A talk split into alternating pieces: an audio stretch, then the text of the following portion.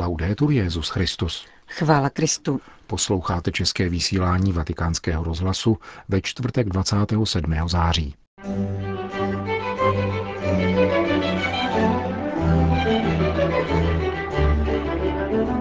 Budoucnost není v uniformním myšlení, napsal papež František účastníkům Mezináboženského fóra v Argentině.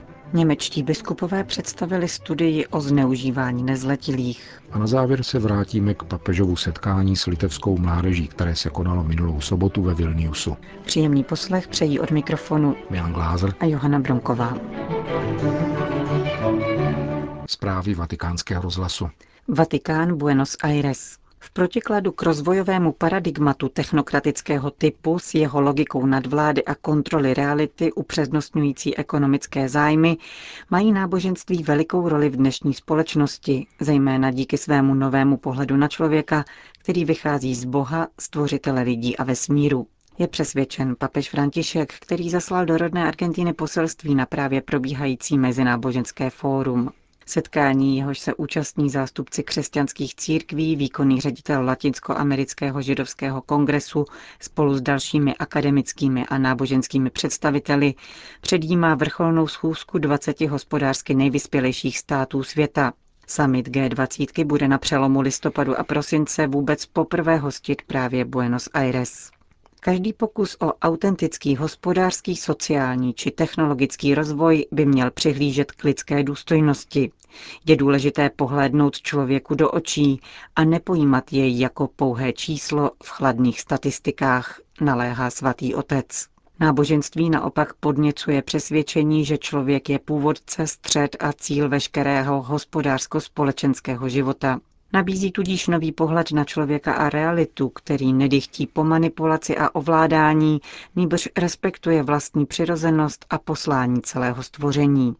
Píše papež a dodává, jelikož jsme všichni byli stvořeni stejným otcem, pojí nás se všemi bytostmi univerza neviditelné svazky a tvoříme jakousi univerzální rodinu, vznešené společenství, které nás vede k posvátné, láskyplné a pokorné úctě. Římský biskup v poselství připomíná množství tíživých situací, které se netýkají pouze našich zapomenutých a bezprizorných bratrů a sester, nýbrž ohrožují lidstvo jako celek. V tomto rámci mohou náboženství ukázat plodnost vzájemného dialogu při hledání co nejlepších řešení, přičemž zmíněný dialog není zřeknutím se vlastní identity, ale oboustranným obohacením a respektováním odlišných názorů. Není totiž možné stavět společný domov bez lidí, kteří smýšlejí jinak, či bez toho, co považují za důležité a co patří k jejich nejhlubší identitě. Vysvětluje František a vybízí k budování bratrství, které nebude laboratorní. Budoucnost totiž spočívá v úctivém soužití rozdílností, nikoli v unifikaci rozdílů do uniformního, teoreticky neutrálního myšlení. V závěru papež apeluje na ochranu společného domova, a to prostřednictvím zájmu o celé lidstvo. Všichni jsou v této snaze nezbytní a proto můžeme jako boží nástroje spolupracovat v péči o stvoření a jeho obraně. Každý na základě své zkušenosti, kultury, nadání a víry. Uzavírá Petrův nástupce své poselství na Mezináboženské fórum, které se koná v Buenos Aires. Rumunsko. Minulou neděli se konala beatifikace Veroniky Antalové, mučednice, která 23. srpna 1958 podstoupila smrt při obraně víry a čistoty. Ve městě Nisiporesty na severu země ji papežovým jménem beatifikoval kardinál Angelo Beču, prefekt Kongregace pro svatořečení. Nová rumunská blahoslavená byla františkánskou terciářkou a v době, kdy tamnější komunistický režim zrušil kláštery a znemožnil řeholní život, rozhodla se v 16 letech žít podle řeholních slibů v soukromí. Působila jako učitelka a věnovala se charitativní činnosti. Ve svých 23 letech byla cestou z kostela přepadena jistým mužem. Když odmítla podvolit se jeho nemístným návrhům, zasadil jí 42 bodných ran. Veronika tak svým mučednictvím následovala svatou Marii Goretti, která byla osm let předtím kanonizována papežem Piem XII. Kardinál Bečův homílii pronesené během beatifikační liturgie tuto neděli vyprošoval celému Rumunsku odvahu a milosedenství, jaké prokázala na svojí životní cestě blahoslavená Veronika Antal. Tato mučednice je uctívána věřícími katolické, ale i pravoslavné církve. Mongolsko. Tři dny před svátkem svého křestního patrona zemřel na infarkt ve věku 68 let první mongolský biskup filipínské národnosti Monsignor Václav Padilla z kongregace neposkvrněného srdce Marína. Do Mongolska byl vyslán na misie počátkem 90. let. Krátce po navázání diplomatických vztahů se svatým stolcem jako představený tamní misiosu Juris a z místní církve se již nevzdálil. Po příjezdu do Mongolska spolu s dvěma dalšími spolubratry nenašli filipínští kněží na místě žádné katolíky ani kostel. Postupně objevili několik katolických věřících mezi personálem na velvyslanectvích a tak začala první modlitební setkání a nedělní eucharistie po soukromých domech. S narůstajícím počtem příchozích si nová církev pronajímala kulturní sály na nedělním svatou a teprve po mnoha letech se zmohla na stavbu prvních kostelů, včetně ulanbátárské katedrály svatých Petra a Pavla, kde byl monsignor Padilla před 15 lety vysvěcen. Již od samého počátku se rostoucí katolické společenství vyznačovalo vnímavým a úctivým přístupem k místním kulturám a navázalo dobré vztahy s jinými náboženskými představiteli. Území svěřené biskupovi Padiliovi zahrnovalo celé Mongolsko s jeho dvěma a půl miliony obyvatel. Při biskupské konsekraci monsignor Padille prohlásil, že za prioritu považuje dobré vztahy se všemi. Chceme přinášet svědectví o Kristově lásce buddhistům, jiným křesťanským vyznáním, muslimům a celému mongolskému národu, řekl a získal si tak srdce ruských pravoslavných křesťanů, mongolských buddhistů, šamanů a členů dalších nekřesťanských náboženských skupin.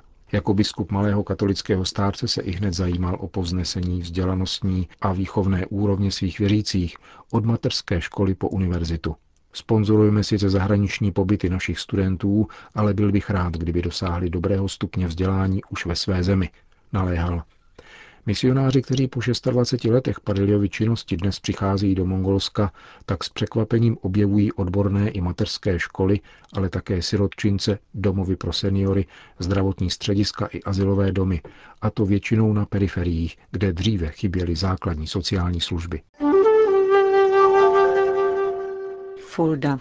Němečtí biskupové nechali vypracovat detailní studii na téma zneužívání nezletilých a moci. Kardinál Reinhard Marx při prezentaci zdůraznil, že církev nechce hájit sebe, ale pracuje pro dobro všech ve prospěch ochrany dětí a spravedlnosti pro oběti zneužívání.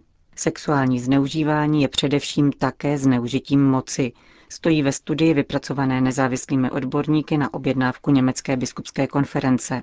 Experti z univerzit v Mannheimu, Heidelbergu a Gießenu se zabývali tématem sexuálního zneužívání nezletilých v rámci katolické církve v Německu od roku 1946 do roku 2014. Výsledky byly představeny na tiskové konferenci v rámci podzimního plenárního zasedání Německé biskupské konference, které dnes končí ve Fuldě. K tématu se vyjádřil předseda německého episkopátu kardinál Reinhard Marx a komisař pro otázky sexuálního zneužívání v církvi a pro záležitosti spojené s ochranou dětí a nezletilých při této biskupské konferenci trevírský biskup Stefan Ackermann. Studie jejíž vypracování trvalo téměř čtyři roky, mluví o 3677 případech zneužívání nezletilých ze strany kněží, jáhnů a členů řeholních řádů ve zkoumaném období 68 let. Necelých 63% se týká nezletilých mužského pohlaví. Ve třech čtvrtinách případů byly oběti v náboženském nebo pastoračním vztahu s obviněnými. Pokud jde o převládající počet obětí mužského pohlaví, badatelé uvádějí, Neexistují dostatečná vysvětlení, podle nichž by zřetelná převaha chlapců a mladíků mezi oběťmi sexuálního zneužívání ze strany duchovních v katolické církvi byla způsobena jedinou příčinou. Na tomto místě lze mluvit o mnoha faktorech, stojí v německé studii. Jedním z nich by mohla být větší možnost kontaktů duchovních s chlapci a mladíky. Před druhým vatikánským koncilem například byla ministranská služba vyhrazena pouze chlapcům. Kromě toho v minulosti bylo také do katolických kolejí a institutů přijímáno více chlapců než děvčat. Tyto okolnosti však, pokračují badatelé, nemohou vysvětlit jasnou převahu obětí mužského pohlaví. V tomto kontextu by proto bylo možné mluvit také o ambivalentních interpretacích a postojích katolické sexuální morálky ve vztahu k homosexualitě a k významu celibátu. Povinnost života v celibátu by se mohla zdát jako vysvětlení pro psychické problémy seminaristů, inklinujících k potlačování svých homosexuálních tendencí, vzhledem k tomu, že při nejmenším semináři se nabízí také perspektiva blízkého soužití v exkluzivně mužské společnosti. V tomto ohledu by některé specifické struktury a pravidla katolické církve mohly mít vysoký potenciál atraktivnosti pro nezralé osoby s homosexuálními tendencemi. Čteme ve studii vypracované pro německou biskupskou konferenci. Církev však oficiálně nepřipouští homosexuální vztahy či praktiky. Hrozí tedy nebezpečí, že tyto tendence budou muset být prožívány v tajnosti, Složitá interakce sexuální nedozrálosti, možných latentních, negovaných a potlačovaných homosexuálních tendencí v prostředí, které se částečně projevuje jako homofobní, může nabízet další vysvětlení pro převahu obětí mužského pohlaví, pokud jde o zneužívání ze strany katolického kléru. Nicméně ani homosexualita, ani celibát nejsou sami o sobě příčinou sexuálního zneužívání nezletilých. Uzavírají němečtí badatelé. Konec zpráv.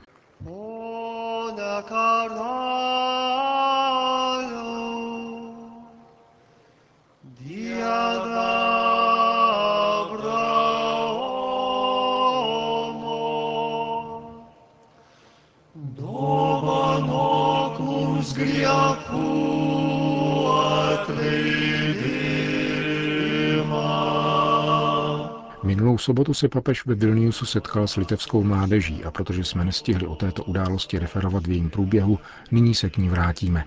Setkání s deseti tisíci mladými lidmi se konalo na náměstí před katedrálou v historickém centru města. Součástí zdejší dlažby je kámen nesoucí nápis Steklas, zázrak. Symbolické místo, odkud se 23. srpna 1989 začal sbírat živý řetěz osob, který propojil Vilnius, Rigu a Tallinn, úspěšně manifestující za nezávislost tří pobaltských národů, okupovaných od konce druhé světové války sovětským režimem. Působivé zpěvy a tance vytvořily vhodnou atmosféru setkání s Petrovým nástupcem, aby mohli představit své životní příběhy dva mladí lidé, Monika a Jonas. Podělili se o svoji zkušenost víry, kterou obdrželi navzdory nesnadné rodinné a osobní situaci, na což papež František reagoval. Mluvil italsky a jeho promluva byla v litevštině promítána na obrazovky, přičemž papežovi improvizace podával tlumočník přímo. Nenechte se přesvědčit tímto světem, že nejlépe se putuje o samotě. Sám nikdy k cíli nedojdeš. Ano, budeš moci v životě dosáhnout úspěchu, ale bez lásky, bez přátel, bez příslušnosti k lidu a bez oné krásné zkušenosti riskovat společně. O samotě jít nelze. Nepodlehněte pokušení soustředit se na sebe, pokušení sobeckosti nebo plitkosti tváří v tvář bolesti. Mějme vždycky za to, že to, co se děje druhému, děje se i mně. Jdeme proti proudu individualismu, který uvádí do izolace a činí z nás samolibé egocentriky, starající se jenom o svůj imič a blahobyt. E Jsme křesťané a jde nám o svatost, pokračoval papež. Usilujte o svatost ze setkání a ze společenství s druhými a buďte vnímaví pro potřeby druhých. La nostra vera identità presuppone l'appartenenza a un popolo, naše pravá identita předpokládá příslušnost k lidu. Neexistuje laboratorní identita ani žádná destilovaná nebo čistokrevná identita. Existuje pouze identita přináležitosti k rodině, lidu. Identita, která dává lásku, vlídnost a starostlivost o druhé. Je to identita, která dává sílu k boji, ale zároveň i vlídnosti k pohlazení. Každý z nás zná krásu i únavu a často i bolest přináležitosti k lidu. Tady tkví naše identita. Nejsme lidmi, kteří nemají kořeny.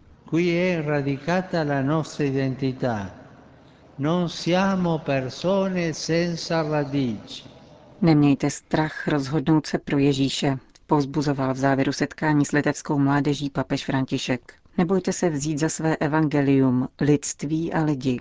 Ježíš totiž nikdy neopustí loďku vašeho života a bude stát na každé křižovatce našich cest, nepřestane nás obnovovat, i kdybychom se snažili zničit sami sebe. Ježíš je k nám velkorysý a štědrý a darujeme-li svůj život pánu, přinese jeho sedba i po našich stroskotáních dobrou úrodu. Končíme české vysílání vatikánského rozhlasu. Chvála Kristu. Laudetur Jezus Christus.